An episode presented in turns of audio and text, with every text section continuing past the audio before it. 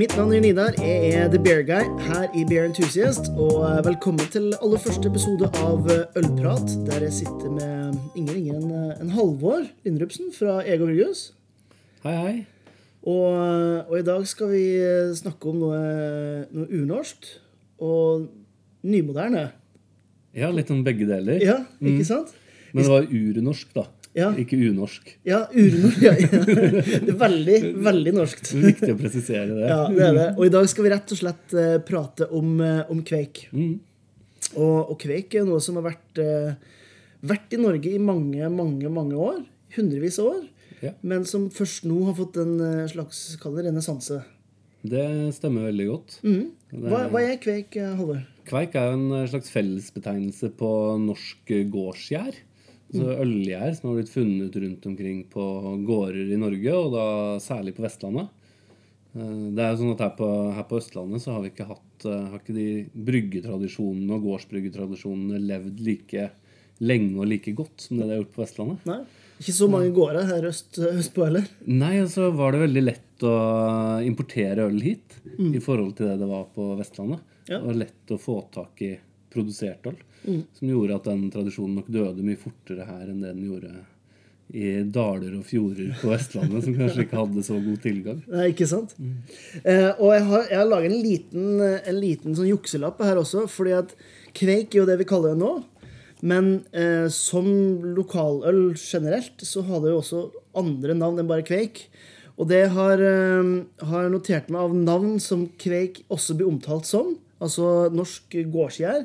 Det er bare gjær, jarl, gjest, barm og min favoritt fra Ål, gong. Gong, ja. Den har jeg aldri hørt før. Nei, og det er um, Jeg syns det, det er gøy, for at, for at vi omtaler det som, som norsk gårdsgjær. Altså ikke en stil, men, Ja. men rett og slett en gjær. Ja. Eh, som du sier, varierer fra, fra, fra sted til sted, og, og kommer ikke fra noe Det kommer ikke fra ett spesifikt sted. Nei. Og veldig vanlig så har jo, eller veldig ofte så har jo jern variert fra gård til gård. Så gårdene kan ha ligget nærme hverandre, men allikevel hatt to helt forskjellige gjærstammer. Så det er, det er veldig spennende å se liksom, hva de forskjellige gjær, gjærene kan gi til, eh, til ølet i dag. Da.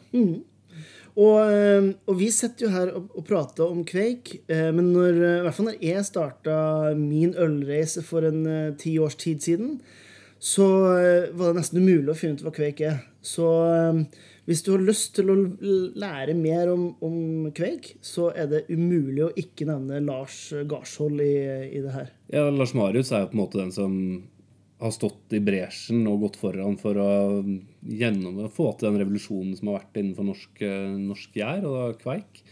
Og skrevet flere bøker og reist rundt på, på gårder i Norge og samla sammen disse gjærstammene og sendt det til eh, stort sett laboratoriet i England, som eh, har gjærbanka det, og som også har gått gjennom hele DNA-profilen til, til gjæren. For å finne ut om det faktisk var en distinkt norsk ølgjær, eller om dette bare var en slags avstikker fra, fra andre gjærstammer og gjærkulturer som fantes andre steder i Europa. Og da er jo da er mitt spørsmål til deg, Halvor. Du, du bruker jo en god del øl på, på Ego, deriblant med eh, en kveik. Ja. Kan ikke du fortelle litt om hvordan den kveiken kom i hus, og, og hvordan dere bruker den i, i produksjon? Vi bruker jo litt forskjellige kveikstammer, men den vi bruker aller mest, det er en eh, hornindalskveik eh, fra Raftevoll. Eh, Som eh, vi da fikk fra Lars Marius eh, Garsol for eh, ja, snart to år siden. eller noe sånt. Ja, I en colaflaske? I en colaflaske. Det som var, var at den originale raftevollen har litt grann bakterier i seg. For i Hornindal så var det akseptert med litt grann syre i ølet. Så den gjærstammen hadde vært sendt til lab i England, og så hadde den blitt vaska for bakterier. Og kommet tilbake til Lars Marius, og så hadde han prøvd å brygge med både den med og uten bakterier. Og likte den med bakterier best. Ja. Eh, Så dermed ble den uten stående på en colaflaske i kjøleskapet hans i nesten to og et halvt år, tror. Før vi da fikk den ned til oss, en sånn liten slant, og satte den i gang igjen derfra. Og har nå brukt den i snart to år. ja. Ja, for når man, når man tenker sånn tradisjonell brygging, da, så snakker man oftest om undergjæra eller overgjæra. Eh, og da har man eh, to det hovedstammer innen inn gjær. Og den ene trives oftest best på litt lavere temperaturer, som undergjær. Og så har du de eh, som tåler seg på litt høyere temperatur, rundt eh, 20-25 grader, som eh, er overgjæra. Men kveik den er egentlig en, en helt egen sak når det kommer til eh, hvor den trives best. På gjæringstemperaturer så er den helt unik. Da den gjerne jobber best mellom eh, 35 og 40 grader. Og er eh, ekstremt effektiv. Da. Der det vanligvis kanskje kan ta syv til ti dager å gjære ferdig et øl, så er kveiken stort sett ferdig på mellom 36 og 48 timer. Ja. Som er vanvittig fort. Ja, det er helt eh, hinsides. Det var første gangen vi brukte den gjærstammen. Så hadde vi brygga på fredag. Og så kom jeg tilbake på mandag, og så bobla det ikke i gjærlåsen på, på tanken. Og jeg bare Fader, har den ikke, har den ikke satt i gang, liksom? Hva er det som skjer her? Og så tok vi en måling, og så var den ferdig. så det er eh, helt, helt unikt. Den setter også i gang veldig, veldig fort. Ja. Men Det handler jo om en kombinasjon av hvordan den jernen funker, og temperatur. For mange andre gjærstammer vil nok også jobbe veldig fort på høyere temperaturer, men vil da skape usmaker og dårlige bismaker i ølet, som ikke kveiken gjør. Ja. ja, for hvis du skal karakterisere kveik og hva den bidrar med i, i et øl av smak og aroma, hvordan vil du, vil du beskrive det? Det er jo så ekstremt forskjellig, da, fordi det er så mange forskjellige kveikstammer. At, og de gir helt forskjellige preg i ølet og helt forskjellige typer karakter til ølet. Så det er nesten helt umulig å svare sånn over igjen på. Men hvis vi ser, vi har på en måte to stammer som vi bruker veldig mye, som er Hornindalskveiken og så er det Vossakveiken. Eh, og der Hornindalskveiken er en kveik som egner seg egentlig kun i råøl. Eh, som vil si at vi ikke koker vørten, som er en sånn gammel norsk eh, bryggeteknikk. Og gir veldig mye fruktighet. Veldig, det er, sånn- hvis man ikke vet det, så kan man nesten forbinde det med humle. Ja. For den gir en del av de samme sånn tropiske fruktkarakterene til, til ølet som humle kan gi. Nesten det preget som man er på utkikk etter når man skal ha det her eh, New England IPA og, og det her med, med Ja, til en viss grad, men allikevel så er det tydelige forskjeller da, når man har fått smakt det noen ganger. Så begynner man på en måte å forstå hva som er humle, og hva som er, hva som er gjær. Men det er lett å misforstå første gang man smaker et øl som er brygga med den, den gjærslammen. Mens den Vossakveiken, som da vi i hvert fall kun har brukt i, i kokt, eh, kokt vørt, som er på en måte den vanlige måten å lage øl på, den gir mer sånn appelsinpreg, et litt sånn krydderpreg. Kan nesten gå litt mot en sånn appelsinlikøraktig i, i smaken.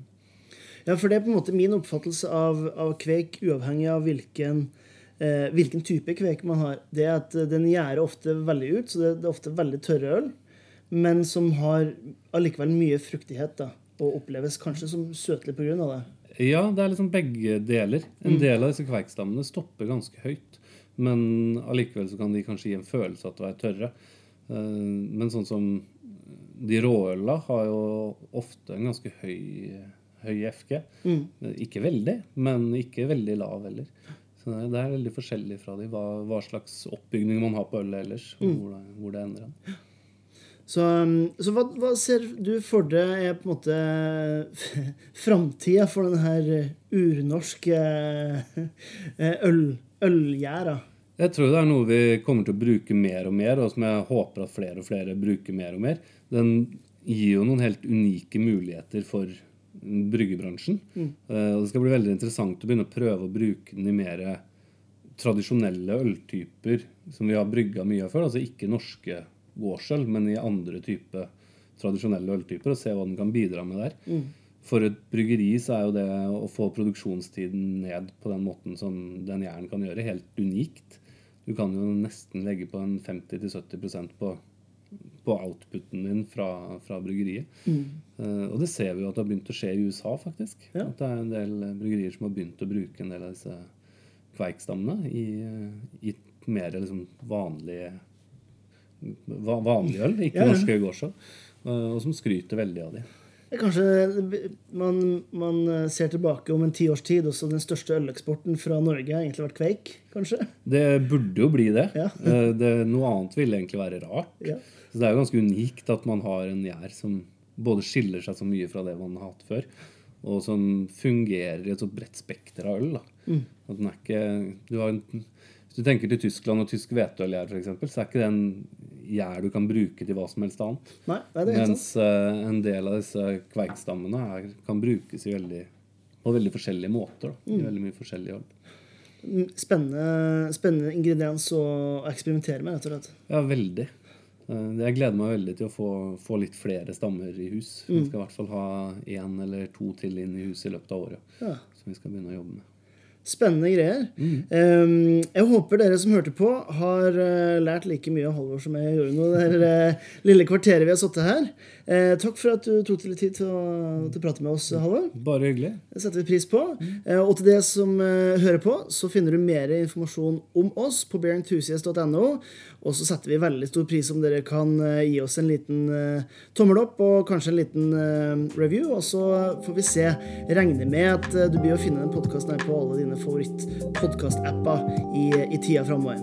Ja, skal ikke si noe mer enn takk for at du hørte på, og så høres vi plutselig igjen.